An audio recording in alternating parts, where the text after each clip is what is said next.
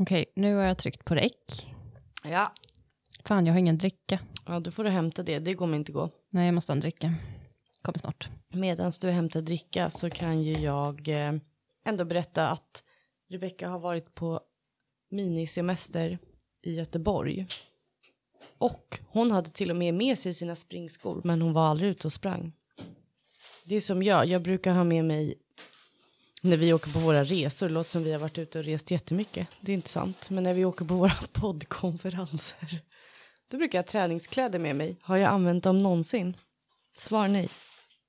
Så nästa gång vi ska åka på poddkonferens då kommer jag absolut inte ta med mig mina träningskläder för det kommer ändå inte att hända. Wow, hon kom också tillbaka med cheeseballs. Nu är vi här. Jag, jag berättar precis för alla lyssnare att du tog med dig springskorna men du sprang inte. Nej. Och det finns verkligen, eh, finns ett alldeles perfekt, en perfekt slinga att springa där min mamma bor. Längs med Säveån. Som du inte känner till. Nej, för jag bara, ja, Men eventuellt någon som kanske bor i Ja. Göteborg. säkert. Eh, och jag sprang inte en enda gång. Hade lite ångest över det. Jag har jättemycket saker nu där jag kan missbruka ordet ångest. För att eh, det var väldigt trevligt att vara där. Mm.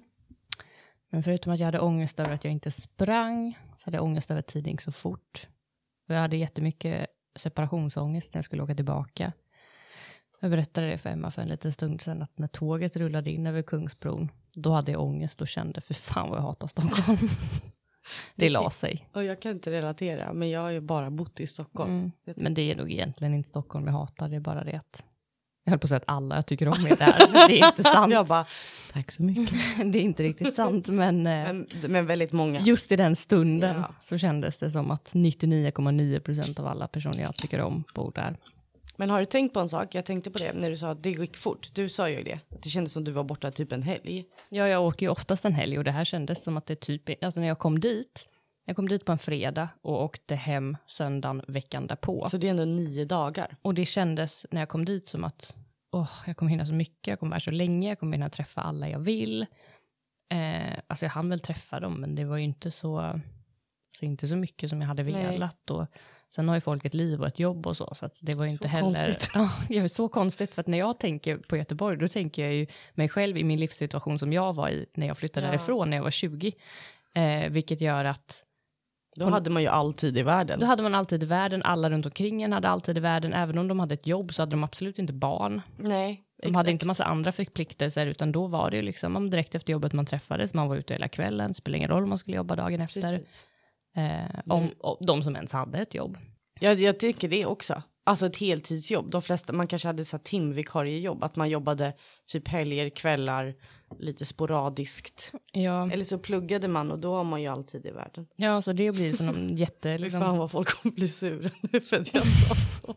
vad sa du? Jag sa då har man all tid i världen när man pluggar. Ja, det är Ja. så jag känner. Det, ja.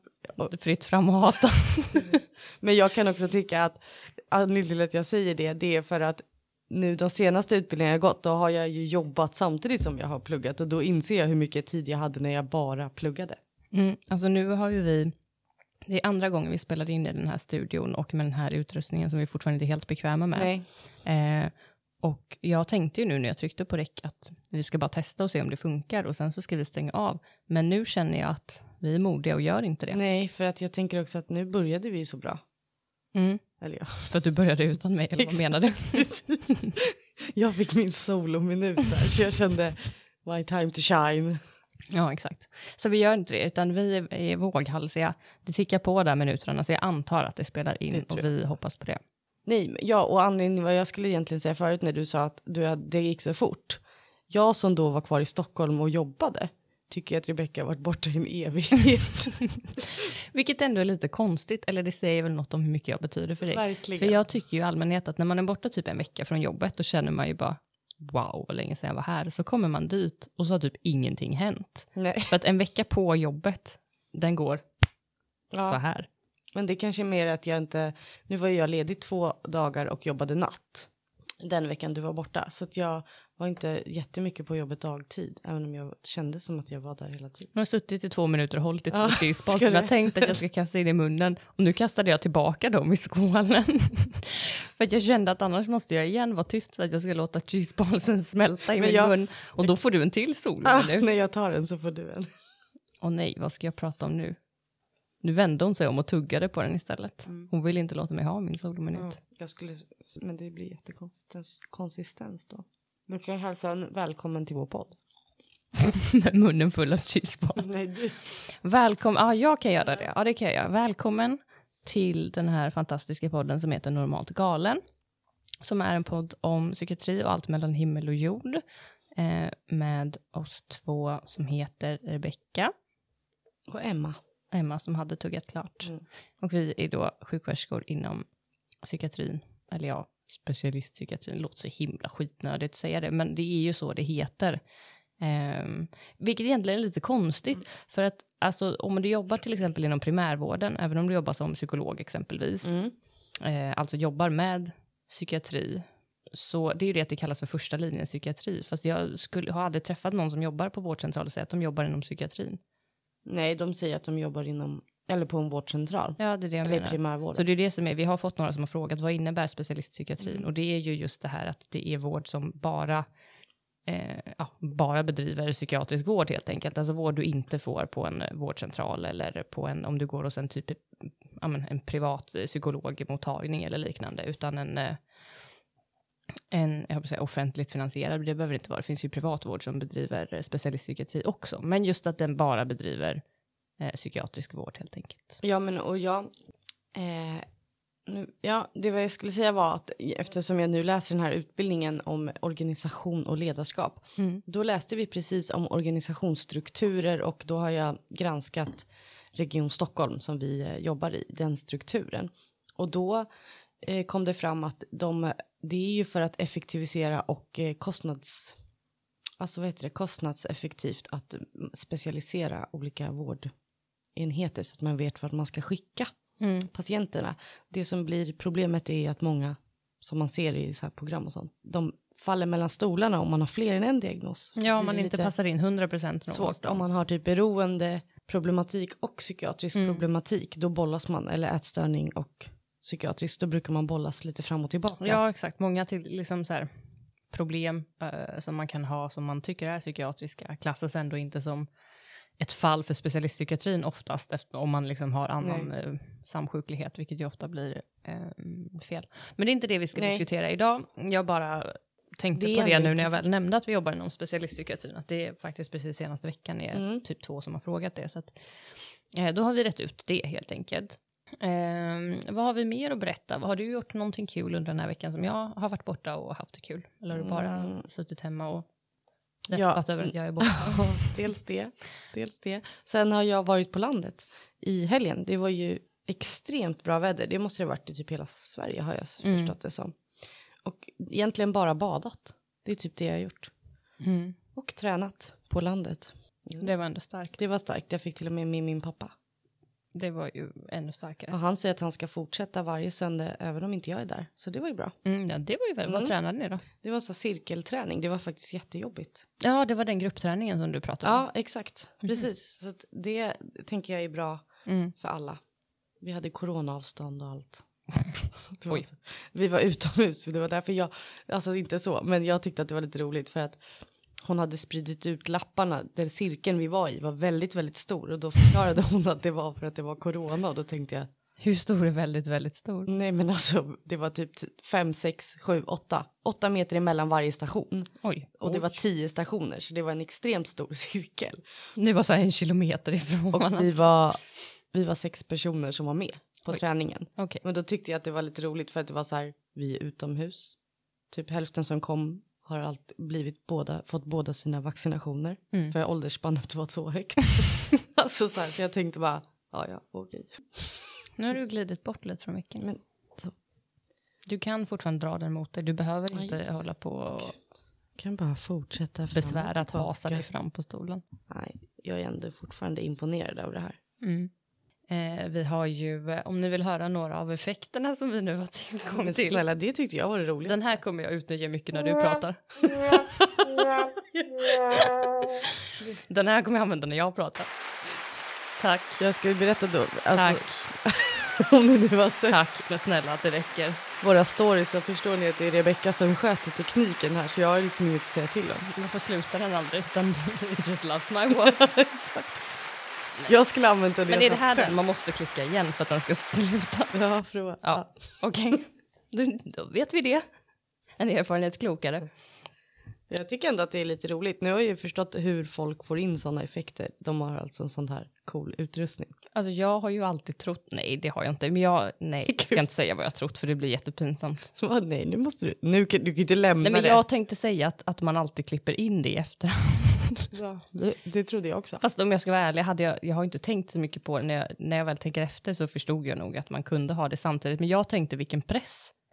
Alltså förstår om vi skulle ha till exempel vårat så här klippljud här i. Ja. Ni vet det där Mm. störande du- du- du- du- ljudet. Om vi, man kan ju lägga, liksom programmera in det här. Så det skulle vi kunna göra.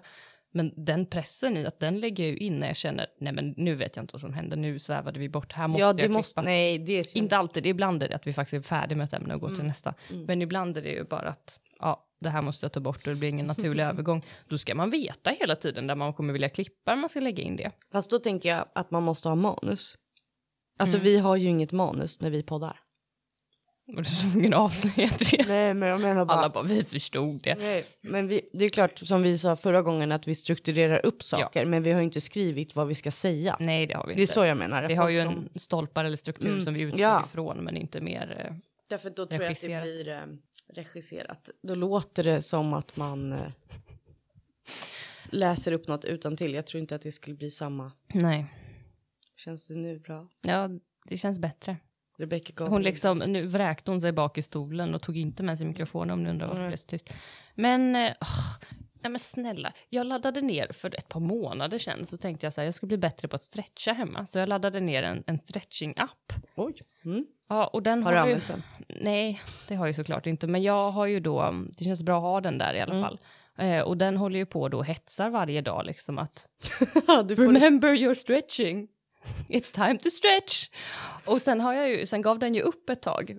Och sen råkade jag av misstag i helgen klicka mig in på appen. Så nu har den börjat igen. Så nu får jag en notis här och tänker oj, någon vill mig något. Men nej, det är ingen som vill mig något. Utan då kommer appen här och säger Splits training, it's time for exercise, let's get started. Nej men jag vill inte.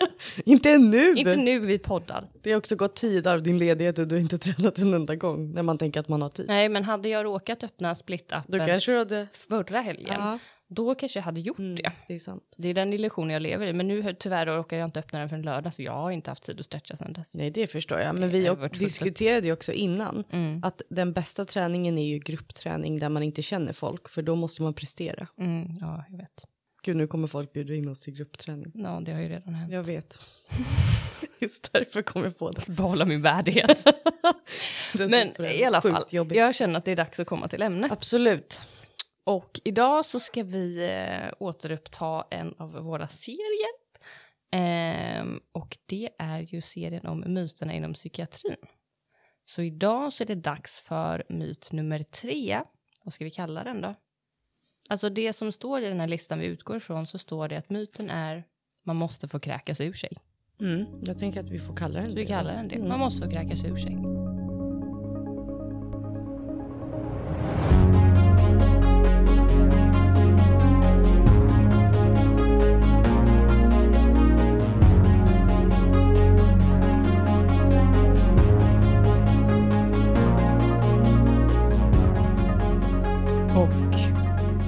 Vad den här myten innebär då är, eller det det handlar om är eh, ett citat här då att man måste få kräkas ur sig och säga vad man egentligen tycker om patienterna.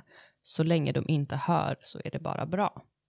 Och Mm. grunden då för den här liksom, myten enligt hur det är beskrivet här så eh, är det ju att detta givetvis då ja, är en myt. Ehm, och att, att personal pratar om patienter på detta sättet, eh, patienter eller brukare eller vilken typ av verksamhet man nu arbetar i, att det gör vården sämre, att det också gör arbetet mindre tillfredsställande och att det inte spelar någon roll att det här då eh, sker inom, eller liksom utom hörhåll för eh, patienten eller brukaren.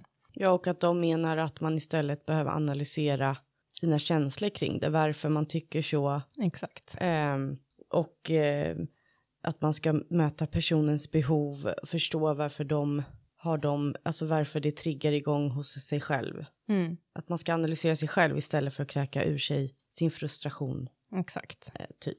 Och här, till skillnad från myterna som vi har haft hittills, eh, och det, det kommer initialt här kanske låta lite kontroversiellt, men Ja. ni får fortsätta lyssna och, eh, för att, för att eh, Förstå döma vad ni resonemanget. tycker, förstå resonemanget. Ehm, så kan man väl säga att vi håller med till viss del, Mm. men vi håller inte med helt och hållet. Nej. Jag tror att det delvis eh, grundar sig i vad man definierar som att kräka ur, kräkas ur sig. Och vad, vad det handlar om, Precis. liksom. Vilket Eller, syfte och vad det eh, leder till. Och precis som vi liksom brukar annars, det här är våra åsikter, det här är våra personliga åsikter, det finns inget exakt rätt och fel, utan det här är ju diskussionsfrågor. Självklart, vissa saker är ju uppenbart rätt Ja, ja, eller uppenbart absolut. fel, men däremellan finns ju alltid ett gränsland där man inte nödvändigtvis måste tycka exakt likadant. Ehm, så så att jag, det vill jag bara ha sagt, precis Ja, som i förra avsnittet också. Eh, där missade vi ju göra en disclaimer när vi pratade, så att vi fick ju göra det i avsnittsbeskrivningen istället. Exakt. Men nu har vi skip, liksom, nu har vi bockat av det. Bra, då kan vi, Då, då kan vi då, fortsätta. då kan vi komma igång. Okej, vad är dina första tankar om detta? Nej men alltså egentligen det första är ju nog spontant att jag tänker så här nej. Eh, men det är också för att de använder ordet kräka ur sig. Det blir en negativ klang i det. Så att då tänker jag nej men det ska man ju inte göra. Vad tänker du på när, eh, när du hör liksom att, eller själva uttrycket Ja. att kräkas ur sig? Då tänker jag mer att det blir liksom person. Eh, att det blir väldigt mycket skit, typ skitsnack. Alltså att man börjar prata om framförallt personer som man inte har träffat. För det kan jag uppleva att det blir att kräka ur sig när man får rapport om personer och sen börjas det innan man ens har träffat personen. Mm, Då kan jag tycka att nej, det ska man inte göra. mm, Eh, och för det upplever jag faktiskt färgar viss personal. Och då handlar det ju ofta om att, att, man, att man läser något, det kan, ju, kan ju vara också att man läser journalen. Och sen så blir man väldigt färgad av vad det står i journalen och gör jättestora resurser. Ja men vi säger att patient, det står så att patienten har varit våldsam. Och så hänger det med i flera år. Och sen när patienten kommer så tänker man så här, ja här har vi liksom typ bemannat upp och tagit in folk från andra avdelningar. Och så kommer det någon jättelugn och timids person. mm, Lite så att så här, man behöver inte måla fan på väggen innan man har träffat en person. Eh, bara för att storyn kanske dels liknar någon annan patient, oftast är det väl så att det liknar någon annan patient man har haft som har varit en, en problematisk patient för att det har skapat mycket frustration i personalgruppen och då blir det liksom att man redan innan börjar kräkas ur. mm, Och att det blir eh, att man liksom glömmer bort lite att vi jobbar inom psykiatrin där folk faktiskt mår dåligt. mm. Men sen kan jag tycka att att kräka ur sig är väl också ett sätt att överleva för att vi jobbar inom psykiatrin. Ja, så jag tänker att det handlar mycket om vad, som sagt vad man faktiskt lägger in Ja. i liksom, det här uttrycket att kräkas ur sig. För att jag, det blir liksom, ja, som sagt en tolkningsfråga av begreppet där jag tycker att vissa saker är helt solklart fel, precis det du är inne på, där man Mm. liksom på förhand dömer ut en patient och det är helt omöjligt, vi är liksom människor, det är helt omöjligt att inte låta det färga ens, liksom, Ja. kanske till och med första möte med en patient. Eh, och det behöver man ju vara medveten om. Men sen så tycker jag att det finns i, i just det här resonemanget, eh, i, i den här Mm. eh, myten som är beskriven då, så tycker jag att utifrån hur jag, vad jag lägger in i begreppet att kräkas ur sig, eh, är inte bara det som är nödvändigtvis skitsnack om patienten. Eh, utan det finns andra saker också. Alltså kräkas ur sig, det är sånt som jag liksom frustration kring patientens situation som absolut inte behöver ha med patientens, alltså, alltså pers- patienten som person. person att göra. Eh, utan det kan vara liksom frustration kring vården, det kan vara socialtjänsten, det kan vara andra instanser av vården, det kan vara kring vården vi bedriver och så vidare. Det kan Ja. vara liksom handla om väldigt mycket anhöriga, absolut, som många gånger faktiskt är en stor resurs men också kan vara ett stort hinder Mm. i vården. Eh, och det tror jag alla som, som jobbar inom vården eh, har erfarit någon gång skulle hålla med om. Eh, att, in, att anhöriga inte alltid enkom är en resurs utan också Nej. eh, så. Både om man, eh, oavsett om man jobbar med barn eller om man jobbar med vuxna. Liksom. Alltså jag tycker inte att det är liksom svart eller vitt. Sen när vi kommer till det som är som handlar mer om patienten i fråga så tycker jag att man, man kan inte se det riktigt så svartvitt därför att det finns vissa vissa saker som handlar, som är liksom rena symptom av patientens sjukdom. Och det är ett väldigt svårt jobb vi har. Alltså vi är själva bara människor och det är fruktansvärt utmanande mm. ibland att möta sånt vi gör. Det kan vara liksom både skrämmande, obehagligt, det kan vara triggande, det kan vara frustrerande, det kan vara provocerande av många olika skäl. Och både på grund av liksom sjukdomsyttringar men även såklart för att även patienterna är människor som inte alltid är bra personer. Nej, liksom. Ja, ja, så, så är det ju. Eh, och där då på något sätt att, att jag kan också lägga in i just begreppet att kräkas ur sig kan jag också lägga ut eller lägga in just det här i att faktiskt ventilera med sina kollegor. Och då menar jag självklart inte på ett sätt i där man sitter och liksom pratar illa om patienter för att där tror jag vi kan liksom det, det hamnar liksom överens. automatiskt ja. självklart i, i inte okej okay, eh, högen. Mm. Men just liksom att, att faktiskt få ventilera med sina kollegor kring det som är jobbigt men att inte stanna där just det här som du är inne på mm. med liksom att reflektera och analysera utan att faktiskt då också få möjlighet till att om man själv tänker kring varför triggar det här mig? Varför är det här svårt för mig att hantera? Vad kan vi göra för att det ska vara enklare att hantera? Finns det något sätt vi kan avlasta varandra och så vidare och så vidare? Och där tror jag att det fyller en viktig funktion både för personalgruppen i sig, eh, men också gentemot patienten, därför att man klarar inte av att bära hur mycket som helst. Vissa saker kommer man ju tänka, även om man inte skulle säga det högt till sina kollegor Exakt. så kommer man att tänka det. Och vissa saker kanske man bara ska tänka, men andra saker kanske faktiskt är viktigt att det också är okej okay att prata högt om. Ja, jag tänker också att det kan vara bra att, att säga vissa saker högt, därför att ibland kan det vara saker som man kanske också vet, alltså framförallt om det är någonting som är ne lite negativt. Mm. Att man tänker också så här, gud är jag den enda som känner att mm. det här är så tungt eller så jobbigt med den här uh, patienten. Man känner sig ensam i det. Exakt, och om man då uh, säger det och så är det någon annan som säger så här, gud jag håller verkligen med dig. Mm. Um, och då blir det ju i, den, i liksom myten är det ju att då sitter man ju ändå och kräks ur sig men på något sätt blir det ju som att man också kan samtala kring det jobbiga i varför och sen som du säger inte fastna i det i att så här bara prata om eh, vad det nu kan vara, eller att man inte, jag tänker, och då menar inte jag så här, ah, den här patienten är lat, för det mm. tycker inte jag, det är så här, men oftast de som är hos oss, de är ju sjuka, de är ju där på en psykiatrisk heldygnsvårdsavdelning mm. som är låst. Ja. Om man väljer att vara där frivilligt. Alltså fast typ vården tycker att man kan Om man känner hem. att det är ens bästa alternativ då har man nog inte så många Nej, alternativ alltså, som vi har. Det är det jag menar att vi brukar säga att då, då, då måste man ju tänka på hur är det hemma i så fall. Ja, alltså en... Eh, det, det nämns ju här också det här att om du liksom, vad ska man säga, om du förväntar dig att, att möta en alltså för att man har suttit på, på färdväg dömt eller diskuterat eller kräkts ur sig. Förvänta dig att möta en lat, liksom otacksam mm. eh, patient, så är det, då är det med största sannolikhet en sån patient du kommer möta för att i, du liksom delvis ändå du tar emot det du själv signalerar på något sätt. Och det håller jag med om. Mm, absolut. Så att det, allting handlar ju också om att det ska finnas ett syfte. Eh, jag tänker i psykiatrisk alltså, eh, vård eller liksom verksamheter där man bedriver psykiatrisk vård.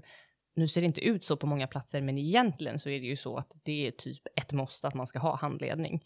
Eh, ja, det är ju liksom, Nej, men det måste, alltså det ja, måste man och det ha. har man ju inte på många ställen. Nej, tyvärr. Men, men det är så egentligen det ska vara och hela syftet med det är ju enligt mig något man skulle kunna kalla för kräkas ur sig. Problemet, eller syftet är inte det, men det är det man gör mm. i syfte att hitta bättre sätt att hantera de känslorna.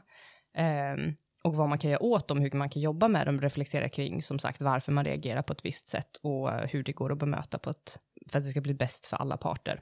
Ja, och jag tänker också att så här, det målas ju upp, eller jag, när man läser liksom myten mm. så kan jag ju känna så här, eh, okej, okay, men vad är vi för superhjältar då? Mm. Alltså, det är klart att jag ska vara medveten om att om man har en patient, ibland kan det ju vara att en patientgrupp triggar jättemycket. Ja, men då kanske jag inte ska jobba med den patientgruppen Exakt. till mm. exempel. Vilket man kan lära sig på vägen. Mm. Men, men att aldrig få känna då, eller aldrig känna så här, men jag kan väl bli su lika sur och kräkas ur på dig, att jag säger, nu tycker jag att du, det här kändes inte okej, eller vad det nu är, eller en kompis, eller liksom vad som helst varför skulle jag inte kunna känna så i mitt jobb? Mm. Alltså jag tror att folk som inte jobbar inom vården, de stör sig också på kunder de har eller på eh, sina kollegor ibland eller så. Ja, och jag förstår att det inte är samma sak. Eh, man, det är inte liksom exakt samma sak. Vi jobbar inte i ett, i ett, i ett serviceyrke Nej. där man liksom, jag likställer, jag, likställer inte våra patienter Nej. med en kund och det Nej, tror inte jag du gör heller, men jag vill bara förtydliga Ja, det. nej. Att jag tycker inte att det är samma sak, men jag förstår vad du menar. Mm. Skillnaden är att skulle jag jobba i en butik där jag träffar en otrevlig kund så skulle jag antagligen inte ha så dåligt samvete för att bara, ja men du vet, man snackar skit och sen så går det Ja, vidare. nej, för det är inte en, precis. Alltså det, det är inte min uppgift. Jag, ja visst, jag ska vara där för att vara trevlig, men det är liksom, det, that's about it typ.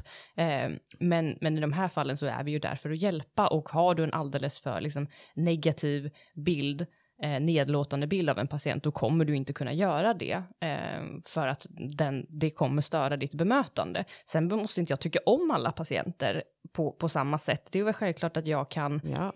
eh, tycka om är inte rätt, men du förstår vad jag menar. Det är självklart att man inte kommer alla lika nära in på. Det är, vi är ju alla människor, både de och vi. Och man, vissa har man bättre personkemi, och vissa har man sämre Mm. med. Eh, vissa, vi bär alla på vårt eget bagage liksom. Och man har eh, saker som man kan ha lättare och svårare att hantera. Och precis som du säger så, så behöver man ju självinsikten då i att om det är någonting som allt för ofta triggar en allt för mycket, då behöver man ju välja en annan plats att arbeta på. För det är inte patienternas ansvar att ta hand om mitt, Nej. mina trauman liksom.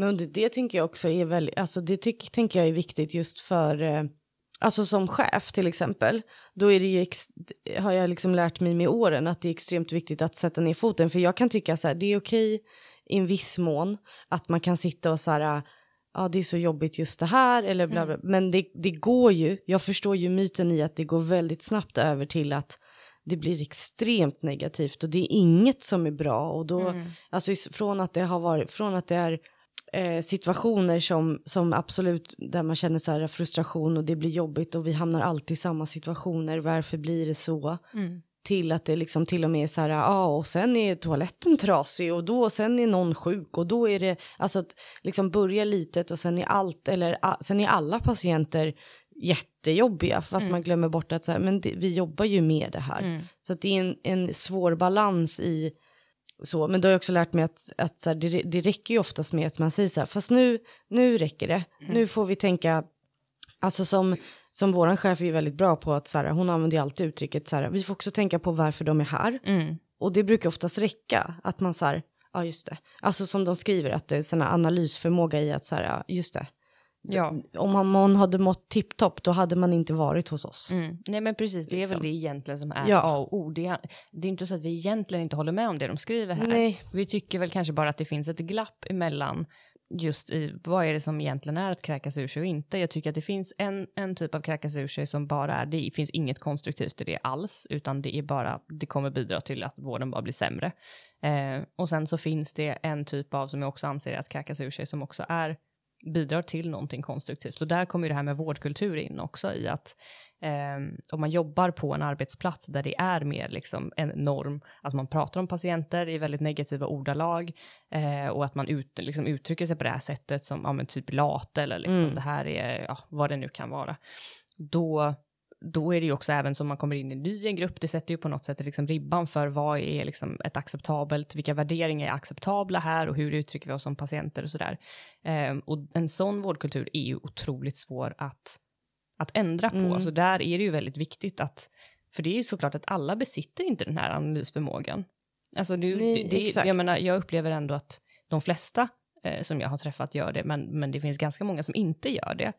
Eh, och nu pratar inte jag specifikt om vår avdelning, utan alla jag har träffat Nej men i arbetslivet liksom. i hela mitt Ja, arbetsliv. exakt. liksom. Ehm, och då är det ju väldigt viktigt att, att man också säger ifrån, att man sätter ner Mm. foten när liksom folk pratar på det sättet, och man hör kollegor prata på det sättet, där det, liksom, det finns inte någon slags önskan att förstå varken sig själv eller patienten, eller på något sätt att det ska liksom leda till någonting, eh, eller liksom att, att bearbeta någonting, eller att försöka liksom gemensamt som grupp komma någon vart, för att det ska bli så bra som möjligt, utan det är liksom bara ett skitsnack. Då är det väldigt viktigt att man faktiskt sätter ner foten och att man hjälps åt att påminna varandra. Om man ändå är en av de som besitter den här analysförmågan, att man faktiskt påminner varandra om just, ja men typ som våran chef då liksom lägger sådana kommentarer. Eller Ja. här, ja, men hon är ju också sjuk. Ja, man Det finns liksom- ju också en anledning. Jag hade också gjort så i hennes situation. Eller han har ju precis förlorat det här och det här. Ja, men du får också tänka på och så vidare och så vidare. Ja, och jag tänker att det är just det som är grejen.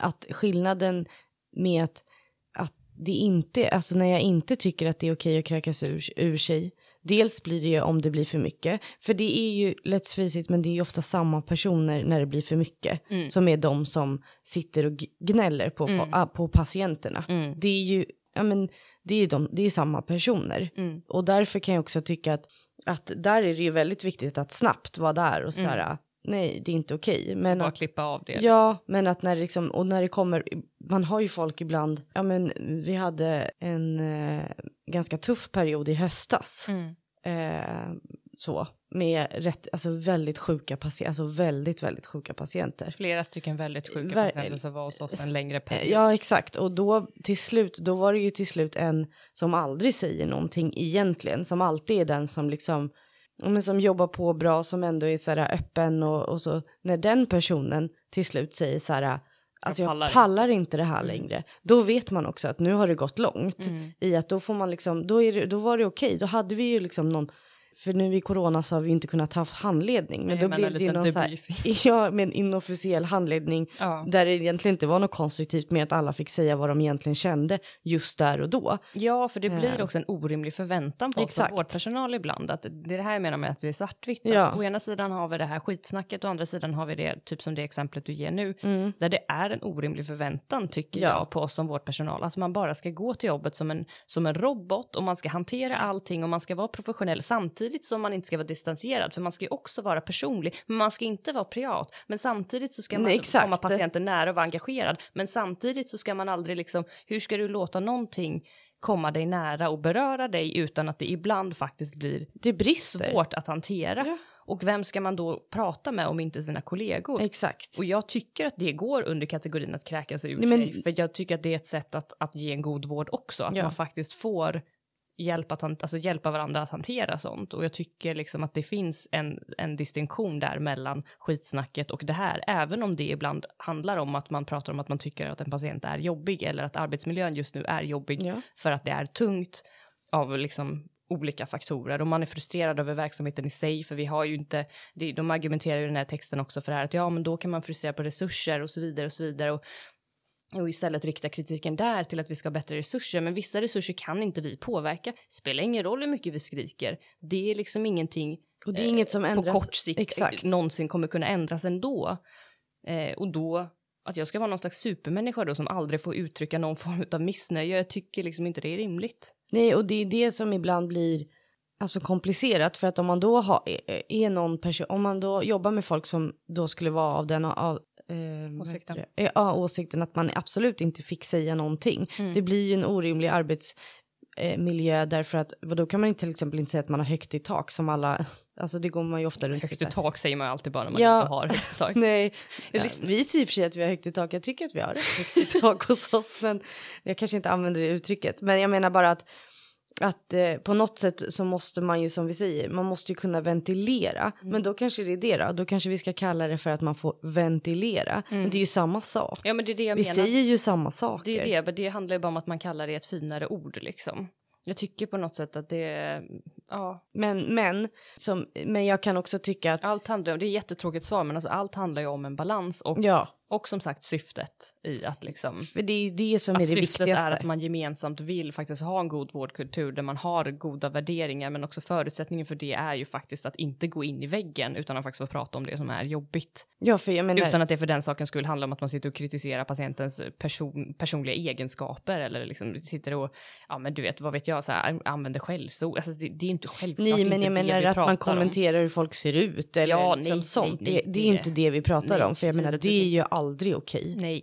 Alltså så. Men att man också gör det och sen får man väl avsluta. Alltså så här, det, det är okej när det har varit jobbigt om det, man gör det ibland. Men också sen avsluta nästa gång med så här, men ehm, fånga upp det typ någon vecka senare. Så här, hur känns det nu då? Känns det bättre? Eller kan vi göra på något annat sätt? För så kan det också vara.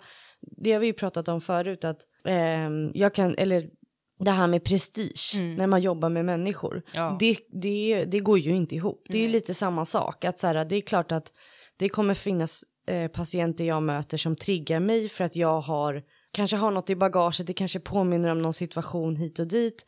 Eh, sen måste jag kunna vara professionell, absolut. För framförallt om man är sjuksköterska inom psykiatrin, för då är man ensam. Mm. Och då, det är inte så att du kan lämna över det till någon annan. Men kan man det, de passer man till exempel kan, Mm. då kanske det är jättebra att jag säger till Rebecka så här, vet du, jag, det går inte, jag vet liksom inte vad det är, eller jag kanske vet men jag vill inte säga det. Men förstår du, att man bara, ja det här går inte idag, kan du ta den här patienten, jag vet att den är i mitt team, men det, det, jag bara känner att det kommer inte gå. Nej.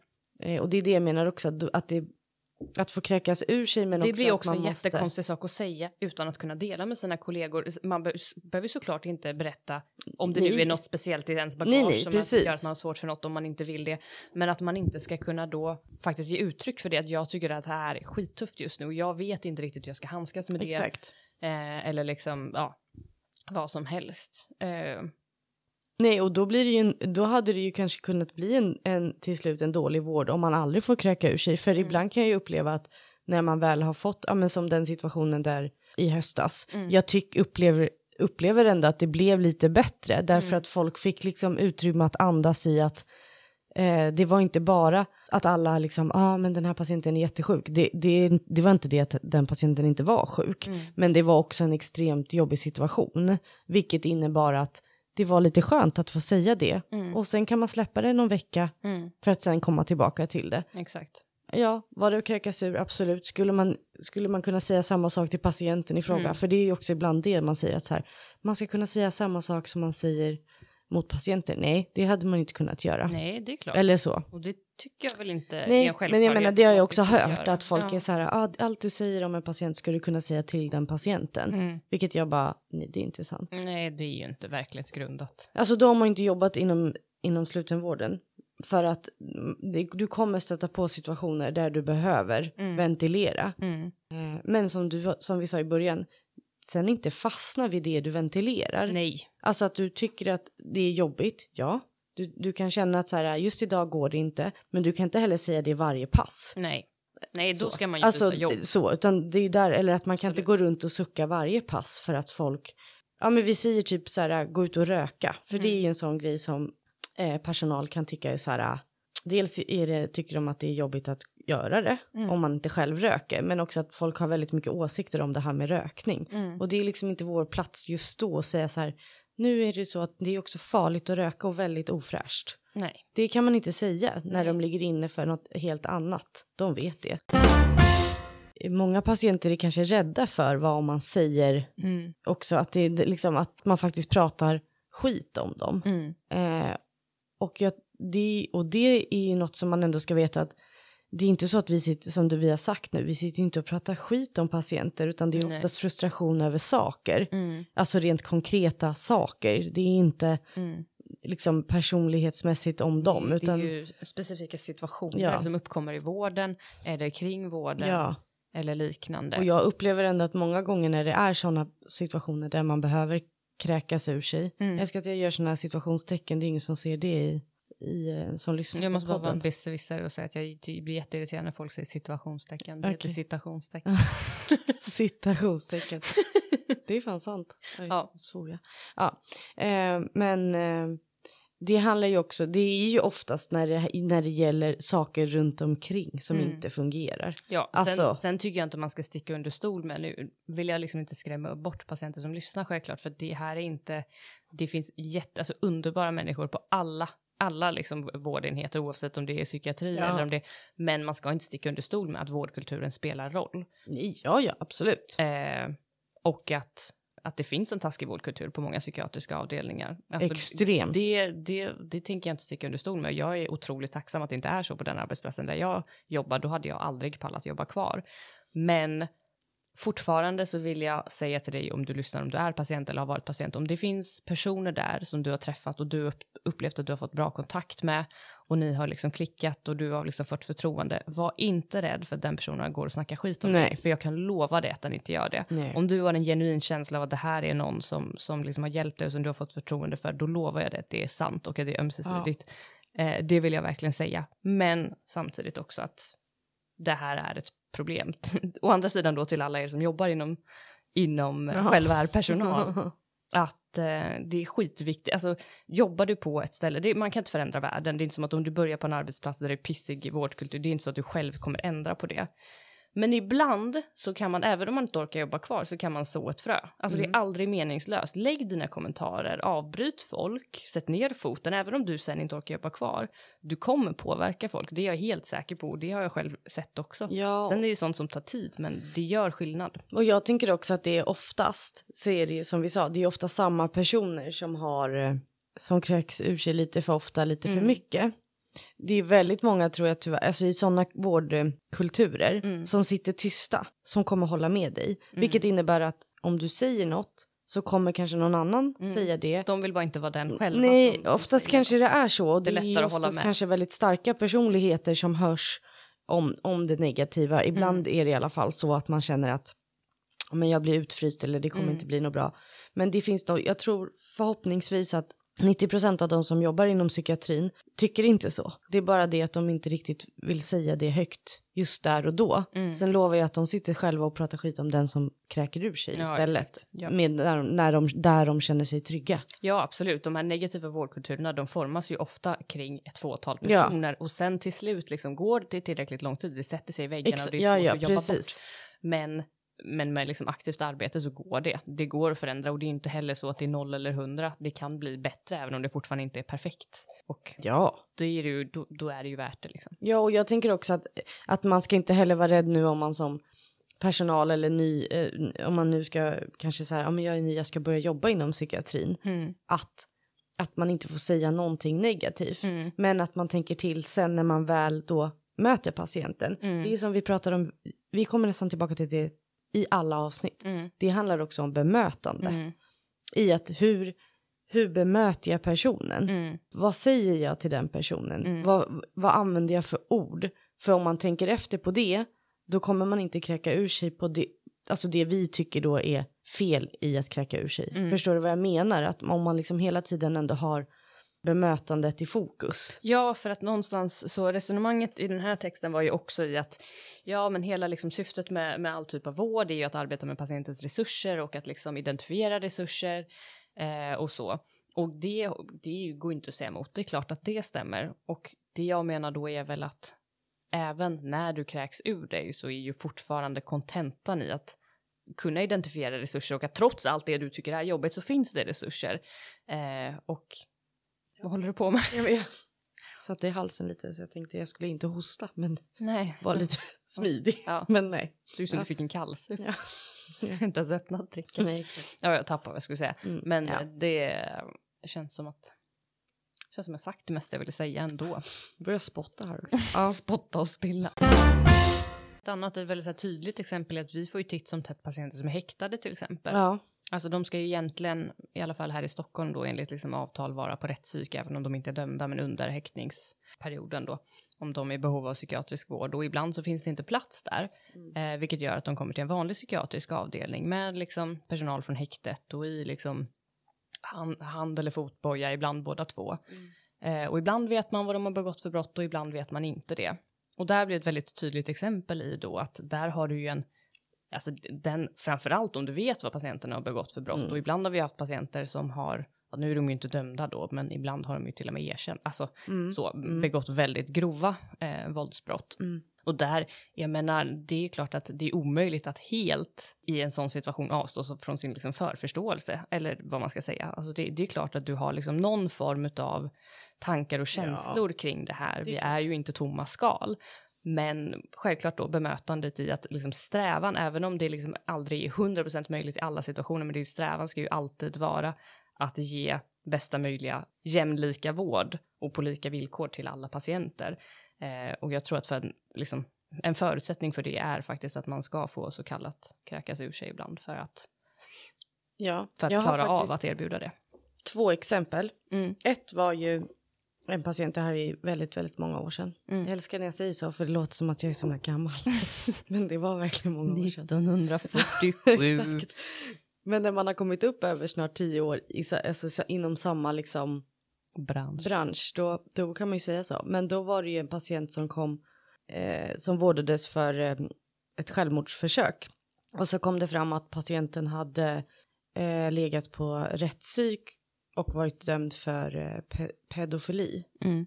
Avtjänat straff. Alltså avtjänat straff. ja, så det, att, ja. Precis, så att det var liksom i, i svensk bemärkelse så var han ju klar, eller vad man ska säga. Alltså han hade ju sonat för sitt brott. Och där var det ju extremt, alltså aldrig varit med om, vilket jag förstår, för det, det är ju en, en, ett sånt brott upprör ju extremt mycket känslor, Mm. såklart. Mm. Eh, men det, och det var första gången jag kände att så här, men gud, det var nästan folk arbetsvägrade till att ens gå in till den här patienten. Mm. För, för att de hade också en förutfattad mening såklart att det, var, att det han hade gjort var obehagligt. Mm. Men han vårdades ju inte hos oss för det. Att man var liksom Nej. tvungen att se så här, fast nu vårdar vi patienten här och nu för det här. Mm. Och den här patienten var ju lugn och trevlig och liksom det var inga problem. Så Mm. egentligen att vara otrevlig, för det var ju det folk var. Vilket han också upplevde. Mm. Vilket han också klagade på att Ja, folk såklart. bemötte honom jättedåligt. Mm. Vilket de gjorde, det var ju sant. Ja, och då blir det ju fruktansvärt. Och det blir det som blir liksom helt fruktansvärt i att så här, men vad, vad gör du här? För det kan ju hända, du kan ju också vårda, för det var ju det vi pratade om då, då kom det fram att ja men vi vårdar ju säkert patienter som har gjort samma eller ännu värre saker, men det har inte Exakt. kommit fram, vi vet inte om det Nej. och de får ett annat bemötande. Mm. Att man måste också kunna se till vad är här och nu. Mm. Liksom, det finns ju inget fog för att vara otrevlig mot någon som inte gör något otrevligt mot en. Alltså förstår du vad jag menar? Jag förstår helt vad du menar, jag håller med. Mm. Ehm, det jag menar bara med i en sån situation då eftersom att det är, alltså jag hoppas att det är omöjligt att, att eh, inte bli berörd, illa berörd. Ja, ja, Det- ja. Det vetskapen om att en också, patient som har begått ett sånt brott. Eh, för då tror jag att man också är på fel plats Ja. om man, om man är, känner sig helt likgiltig inför det. Men att om strävan fortfarande ändå är att ge den här personen lika bra vård som någon annan, som precis som du säger kanske har gjort samma sak, bara det att jag inte vet om det. Nej. Att det fortfarande är min avsikt, ehm, då tycker jag att det är liksom okej att ventilera de Ja. känslorna. Det är det jag menar, istället för att gå ut och vara otrevlig då Mm. så kanske det hade varit bättre att vi hade haft briefing om det Mm.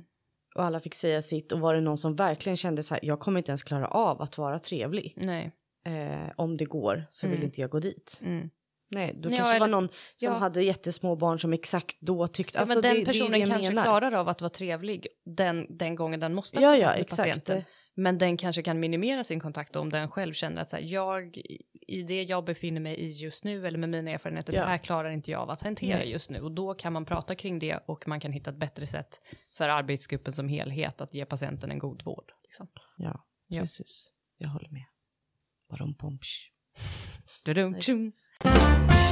You made your point. Exakt. Gud vad jag har pratat, slängt ut små engelska kommentarer. Det är bara för att med min syster så pratar jag Svengelska. jättemycket engelska och svengelska. Inte för att vi är native american. Jag bara, 'cause you're so Jag är halvungrare. international. Det hade ju varit mer i Absolut. så fall rimligt om ni hade pratat Ungerska. ungerska. Ja, nu kan inte hon ungerska tyvärr, men Ah, det är lite sorgligt. Men nej, det gör jag inte. Det har bara blivit någon grej over the years. att vi gör det. Jag kan Så tänka mig det det. liksom Fast du kvar. pratar nog nu när du säger det, du säger nog rätt mycket engelska ord utan Ja, att du det- också tänker på det. Nej, jag- jag. alltså- alltså, när du pratar Jag om saker. att jag, jag vet att jag gör det. Ja. Men just nu så vet jag att det är extra mycket. ja, för att du har umgåtts mycket med henne. Exakt. Mm, trevligt. Mm. Jag tror att det var det vi hade att säga om det här Absolut, ämnet. Har det du något det. sista du vill lägga till innan vi går över till dagens spaningar? Nej, faktiskt Nej. inte. Men då, eh, då säger jag... eh, Bara för att. Känner sig ändå väldigt bra när Mm. den kommer. Ja, jag vet. Ja. Man känner sig lite så här... Man får liksom ett endorfinrus. Men och då har vi kommit fram till avsnittets eh, spaning. Mm. Eh, och då tänkte vi börja med eh, något som vi har tagit från eh, Stigma Watch. Men vänta, innan du nämner Ja. spaning nummer ett så måste du ju bara nämna vad vi hittade. Vi, skulle, vi gick ju in på Stigma Watch för att hämta lite inspiration till dagens spaningar. Mm. Vad hittade vi då? Då hittade vi oss. I Oj. april Ja, var det. eller? Vi tittade på månadens nyhetsbrev från Stigma Watch. Eh, och sen så bara så upptäckte vi bara, men gud, har vi tittat på förra månaden? Så gick vi in där och så hittade vi oss själva. Så sjukt. Så vi tipsade om oss själva. I våran egen podd. Just det förresten, vad, Ja. eh, om man, vi har ju nämnt Stigma Watch innan, men vi kan ju kort bara säga att, eh, ja, nu kommer inte jag ihåg deras exakta formuleringar, jag har inte det framför mig, men det är i alla fall ett projekt som drivs av IFS, som vi nämnde också i förra avsnittet, som är då intresseföreningen för schizofreni och ja, an, andra psykossjukdom, någonting liknande, Ja, kan- med reservation för något fel. Men de har i alla fall ett projekt som heter Stigma Watch, där de hittar olika, både positiva och negativa händelser, lite likt våra spaningar, men ja, inte riktigt, kopplat till stigmatisering kring, Alltså psykisk ohälsa ja, psykossjukdomar framför allt. framför allt. Men, men överlag. Ja. Så det var ju väldigt ärofyllt att vi fick Men vara med där. Som en positiv spaning. Exakt. Ja, värt att nämna. Okej, spaning nummer två då.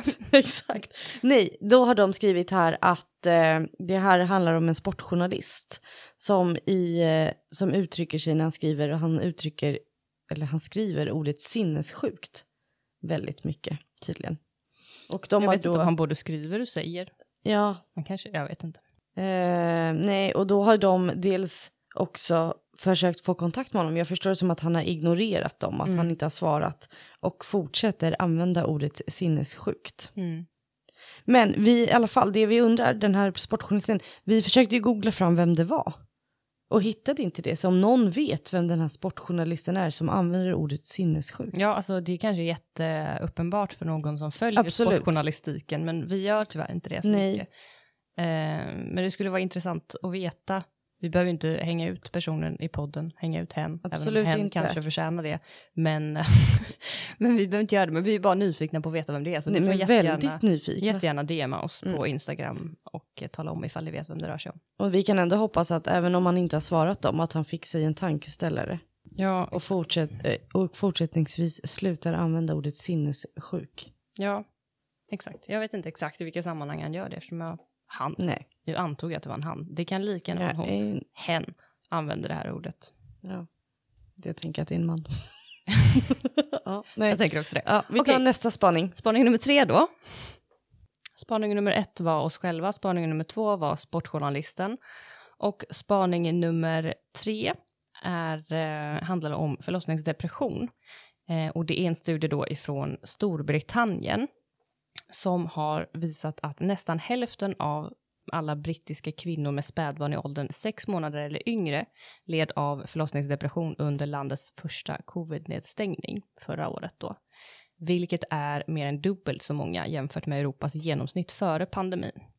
Det här var då en studie från University College London. Mm.